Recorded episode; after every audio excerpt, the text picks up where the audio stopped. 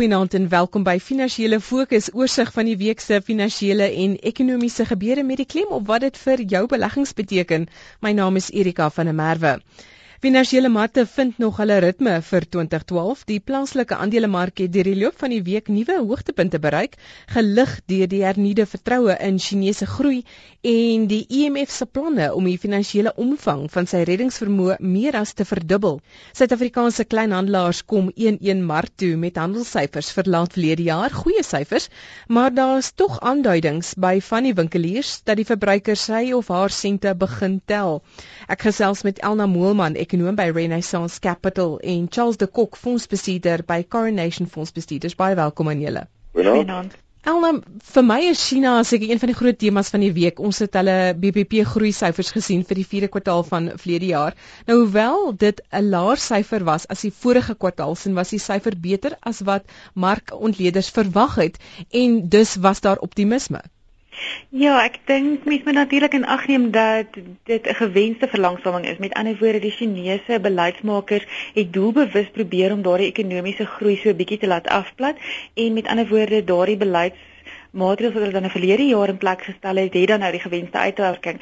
Ek dink vanaf die Suid-Afrikaanse perspektief, beide in terme van uitvoervolumes en met ander woorde die vraag na ons uitvoere, sowel as kommoditeitspryse, is hierdie groei nog baie hoog in China. So dit is dan met ander woorde nog 'n baie positiewe faktor vir ons en ek dink deel van die rede waarom kommoditeitspryse oor die algemeen dan nou nog relatief sterk is en soos ek gesê het 'n redelike positiewe faktor vir ons uitvoervolumes as 'n mens kyk na die vlak van BBP in ons uitvoerbestemmings dan is dit nou baie hoër as as voor die krisis so eintlik 'n baie 'n redelike positiewe omgewing vanaf daardie perspektief ten spyte daarvan dat groei dan nou met ander woorde laer is oor die algemeen nie net in China nie maar wêreldwyd hierdie jaar.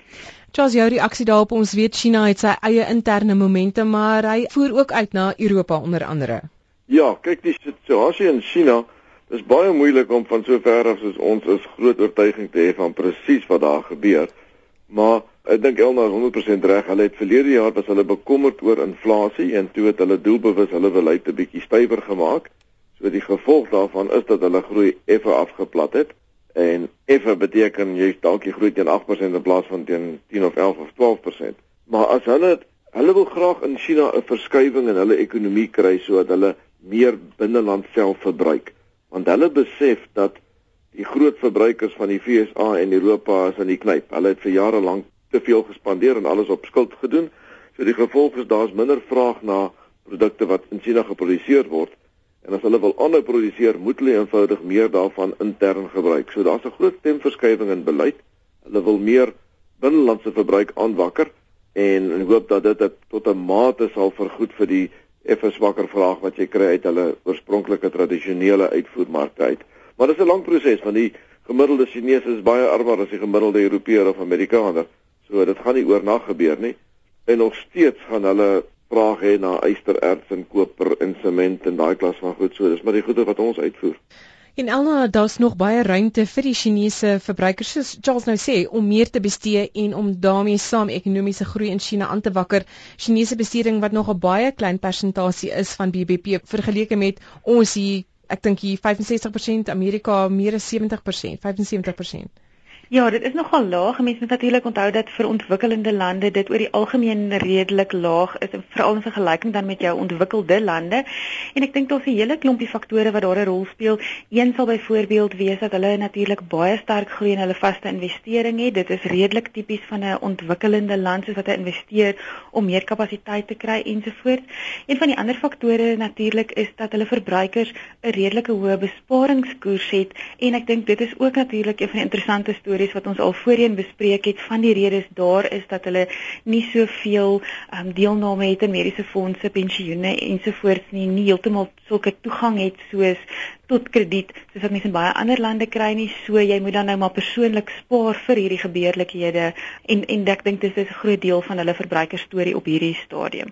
Charles, ons dan verskuif na hulpbronne, jy het verwys na China wat nog steeds vra gaan hê, 'n eh, behoefte gaan hê aan ystererts onder andere BHP Billiton het sy 4de kwartaal produksieverslag gelewer, onder andere ystererts wat hy produseer en die het baie goed gedoen, nuwe rekordvlakke is soos baie van sy ewe knie. Maar van die ander hulpbronne wat hy nie so goed gedoen het met die produksie nie, maar as ons dit net breër kan vat, die hulpbron siklus, wat is jou verwagtinge vir 2012? Erika, dit is 'n sommer 'n groot en 'n moeilike vraag vir beleggers. Dit is verskriklik belangrik om daai te probeer regkry. China is die sleutel, want China is die groot gebruiker van kommoditeite. So as jy as China gaan aanhou groei teen kom ons sê rondom 8% of so in daai area, dan gaan eh uh, die vraag na kommoditeite sterk genoeg wees en eh uh, sal hierdie maatskappye soos Billiton en Anglo en Rio Tinto en so aan sal goed doen. Die gevaar is dat hulle teen 'n baie stadiger tempo groei. En terselfdertyd wat nou gebeur het met hierdie lang kommoditeitssiklus wat so sterk was, het die produsente natuurlik gesoek en gekry baie nuwe bronne wat hulle kan ontgin. So ons dink wel dat daar 'n groter aanbod van goed soos ystererts op die mark ook sal kom. En natuurlik groter aanbod sal beteken dat die pryse uh, sal begin daal. Maar uh, as hulle weet meer kan verkoop al is dit teen 'n laer prys behoort die maatskappye steeds goed te doen. Uit 'n beleggingsoogpunt dink ek persoonlik dat daai groot mynmaatskappye soos Billiton en Anglo's die pryse daarvan verdiskonteer reeds dat daar 'n afname in kommoditeitspryse is. So ek dink uh, weet 'n swakker klimaat as die huidige een of die afgelope jaar sin is reeds in die in die pryse inge ingeprys. So solank dit nie swakker is as wat die mark verwag nie, behoort daai maatskappy eintlik baie goed te doen. Elna, wat is jou opinie oor vraag na hulpbronne? Aan die een kant het ons nog redelike groei van lande so China, Indië en van die ander groot ontleikende Asiëse markte, maar aan die ander kant met die ontwikkelde lande waar groei nie so goed is nie, is daar monetêre beleid in plek wat miskien nie positief is vir die vir die waarde van daardie geldeenhede nie wat dan op sy beurt vraag na tasbare kommoditeite kan ondersteun. Ek stem saam met wat jy nou gesê het en in terme van die groei prentjie is die voordeel natuurlik soos wat Charles nou ook gesê het, die ontleikende markte se groei vir al China se is baie kommoditeitsintensief. So vanaf 'n breë makro perspektief is dit dan nou 'n redelike positiewe storie vir kommoditeite, maar ek dink 'n mens moet dan nou ook soos wat Charles gesê het, kyk na die aanbod van hierdie kommoditeite. So ek dink ons gaan dalk in 'n situasie in beweeg waar dit meer en meer per kommoditeit die prentjie so 'n bietjie verskillend kan lyk na gelang van hoe maklik dit vir hulle is om hulle aanbod dan nou te verhoog. Charles, eh, dalk net 'n vinnige vraag, is daar spesifieke hulpbron wat jou aandag trek? Is dit platinum want ek sien daar staan fondsbestuurders wat of positief of baie negatief is oor platinum byvoorbeeld. Ja, dit is 'n moeilike een. Die platinumprodusente het bietjie probleme. Maar uh, ek dink as jy daarso die regte een koop dan uh, behoort jy op 'n uh, op 'n 2 jaar siening baie goed te doen. Die kort termyn het hulle het hulle effens probleme. Die groot vraag daarso is maar net uh die groot verbruikersvraag vir platinum is in die in die motorkarre. Daai katalisators wat in die uitlaatstelsels gesit word. So as die uh goeie vraag na nuwe motorkarre is, sal uh, daar vraag na platinum wees. Maar ek dink spesifiek in Suid-Afrika se geval het hulle almal probleme met die koste kant van produksie. So op die kort termyn is daar maar 'n paar probleme. Elna wat die markte ook 'n hupstoot gegee het was die IMF se aankondiging dat hy sy reddingsfondse sy sy vermoë wil uitbrei van amper 400 miljard dollar na 1 triljoen dollar en die markte het dit as baie positief beskou. Ja, ek dink ons gaan waarskynlik nog 'n redelike lang pad stap voordat ons aan die einde van hierdie storie kom. So ek dink dit gaan so maklik wees om dit veral oor kort periode te kry by die teiken wat hulle op hierdie stadium het. Nee, ek dink hulle hoop is tot 'n groot mate dat die ontleikende markte wat met redelike hoë reserves byvoorbeeld sit, van hierdie geld sal beskikbaar stel en ons waarskynlik twee redes waarom die ontleikende markte dit sal oorweeg. Een is om groter sê in instansies soos die IMF e te hê en die ander is natuurlik dat dit tot hulle eie voordeel is om seker te maak dat Europa nie ineenstort nie.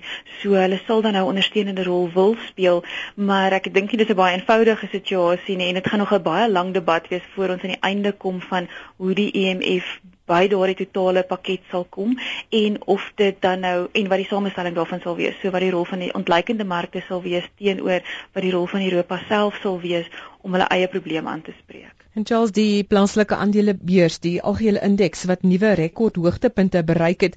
Die vraag dan is dit hoe hoe 2012 gaan lyk? Is dit volhoubaar? Ja, dit is natuurlik 'n goeie vraag en ek het gister eens met kliënte gepraat wat sê hulle kan nie glo dat die alle aandele indeks nuwe hoogtepunte tref terwyl dinge so droewig lyk nie. Maar die, mark snaaks genoeg en dis wat baie mense nie verstaan nie, is nou goedkoper op sy nuwe hoogtepunte as wat hy was in 2008 toe hy die hoogtepunte getref het. En dit is omdat die winsbasis het heelwat gegroei. So vandag betaal jy 'n laer prysverdienste verhouding vir dieselfde winste as wat jy vir 4 jaar gelede betaal het. So ek dink komponente van die alle aandele indeks is heel verskillend vandag teenoor 4 jaar gelede met die hoogtepunt. Toe was dit juist die groot kommoditeitsmaatskappye en die platinum aandele wat verskriklik sterk was. Vandag is is daai ver van hulle hoogtepunte af, maar die die meer verbruikersgerigte aandele, hulle het nuwe hoogtepunte getref. Uh jy vra as dit volhoubaar? Ek dink die mark as 'n geheel is redelik geprys, miskien 'n bietjie aan die duurkant, maar nie baie duur nie. En uh maar terwyl rentekoerse baie laag gaan bly en ons het uh, hierdie week weer gesien die Reserwebank het niks gedoen nie en ek dink hulle gaan vir 'n geruime tyd niks doen nie. So terwyl rentekoerse baie laag bly, dink ek kan die in die mark se huidige vlakke min of meer handhaaf. Ons verwag nie 'n baie sterk jaar nie, maar as jy goed selekteer daar in die aandele, uh behoort jy daarom inflasie te kan klop sal ek dink. Elna, wat is jou gevoel oor die die toestand en die gesondheid van die Suid-Afrikaanse verbruiker tot dusver is hy 'n baie belangrike aandrywer van ekonomiese groei. Nou as daai groei gaan begin taan, gaan dit ons algehele prestasie beïnvloed. Ja, ek dink die groei situasie gaan nog redelik positief wees, maar nie tot dieselfde mate as in die vorige jaar of twee nie. So, as ons dan gaan kyk waar die groei in verbruikersspandering vandaan kom, glo ek dit kom maar tot 'n groot mate van die sterk groei in hulle inkomste af. As ons kyk na byvoorbeeld 2010-11, dan was hulle inkomste groei omtrent 9% geweest, maar die belangrike faktor om in ag te neem is dat 'n groot deel van hierdie groei kom van af die groei in die owerheid se loonrekening. Met ander woorde, hulle het meer mense in diens geneem toeneem in die jaar van indiensnames en redelike hoë loonverhogings. So die staat se loonrekening het dan nou in fiskale jaar 10-11 gegroei met amper 25%. Die vraag is hoe volhoubaar dit is. Nou die regering se vooruitskattinge op hierdie stadium is dat daardie groei gaan afplat na so 6.5% toe hierdie jaar en as dit gebeur sal die inkomste groei dan met ander woorde laer wees en die vermoë om meer en meer te spandeer ook laer. So ons verwag dan nog steeds positiewe groei in verbruikersspandering, maar heelwat stadiger as verlede jaar. So as dit dan nou verlede jaar in reële terme so 5% was, dan dink ons dit gaan verlangsaam na so 3.3% toe hierdie jaar. So Charles, in daardie konteks dan eh, maatskappye Woolworths, Clicks, Truworths, Foschini wat in die week handelsverklaringe gelewer het oor prestasie in die einde van verlede jaar. Hier en daar goeie syfers, hier en daar teleurstellings dan. Jy het nou genoem van hierdie maatskappye en die kleinhandelaars veral wat baie duur lyk, sou jy gemaklik wees om hulle nou in jou portefeulje te hê? Erika, ek het nog so 'n paar van hulle in my portefeulje. Ek het van hulle al verkoop en bietjie ligter gemaak, maar daar is nog spesifieke aandele waar ek dink die maatskappy om spesifieke redes werklik net baie goed doen. Mr Price is 'n goeie voorbeeld daarvan. Ek dink Woolworths is nog 'n voorbeeld daarvan. Dit lyk op die oog af duur of ten minste nie goedkoop nie, maar uh met die tipe verdienste groei wat hulle nog kan kry, is dit redelik en ek dink weer eens met rentekoerse wat laag bly en salarisse wat oor die algemeen teen vinniger tempo as inflasie toeneem, het die verbruiker nog kontant. En die verbruiker gaan nie skielik ophou op 'n geld spandeer op die op die meer basiese goedere soos veral die goedkoper klere en en daai klas van goed nie. Elma Jill Marcus in haar rede in die week toe sy die rentekoers besluit aangekondig het, hoe het jy haar woorde geïnterpreteer? Kan ons dan vir langer op hierdie vlakke bly met rentekoerse? Ek dink dit was 'n redelik gebalanseerde verklaring wat na die rentekoersbesluit gelees is. So daar was nou sprake van laer groei en die kommer oor die internasionale ekonomie ensovoorts teenoor bietjie hoër inflasie vooruitskattinge wat hulle het. Ons dink wel dat die Reserwebank rentekoerse onveranderd gaan laat reg deur 2012 en dat ons eers in 2013 die eerste rentekoersverhoging sal sien. Die mark begin nou kyk na vroeë rentekoersverhogings, maar ek glo nog steeds dat jy eers by die punt moet kom wat jy heeltemal gemaklik is oor jou ekonomiese groei vooruitsigte, veral as daar nie regtige inflasieprobleme is nie. Met ander woorde, in die medium termyn verwag ons almal, soos die Reserwebank, dat inflasie onder 6% op 'n volhoubare basis sal wees. So dis nie regtig kommerwekkend nie.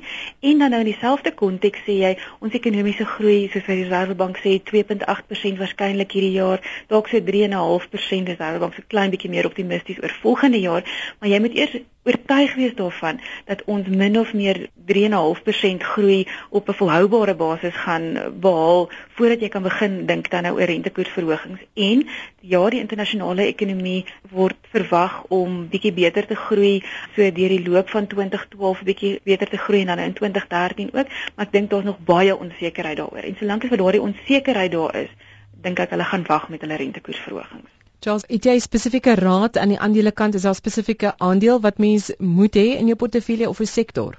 Ek dink mens moet 'n gediversifiseerde portefeulje hê. Ek dink beleggers maak baie keer die fout al individue deur te veel net in een aandeel te hê. Dit beteken nie jy moet 50 verskillende aandele hê nie, maar ek dink jy moet jou risiko's altyd 'n bietjie versprei. Enige iets kan altyd skeefloop met net een area, maar ek sal persoonlik sal ek sê dat tussen die groot uh, myne soos in Anglos en Billiton dink mense kan een of al twee van daai hê. Ek dink onder die banke, ons het nie glad oor die banke gepraat nie, maar die bankaandele lyk vir my redelik geprys en ek dink uh, hulle kan heelwat beter doen in die toekoms. So ek dink daarso kan mense 'n bankaandeel of twee hê. Ons het gepraat van goed soos Mr Price en as jy nou 'n bietjie dapper raak, dan moet jy kyk na goed wat regtig goedkoop is. En die goed wat regtig goedkoop is, is gewoonlik dies waar die nuus verskriklik sleg is.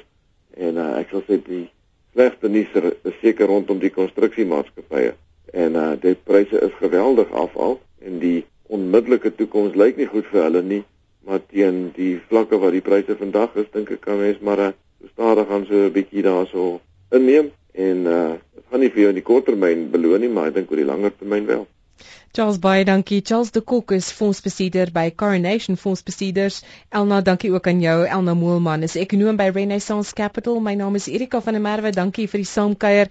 Volgende Sondag aand 20 voor 9 is ons weer hier. So 'n geseënde week vorentoe. Totsiens.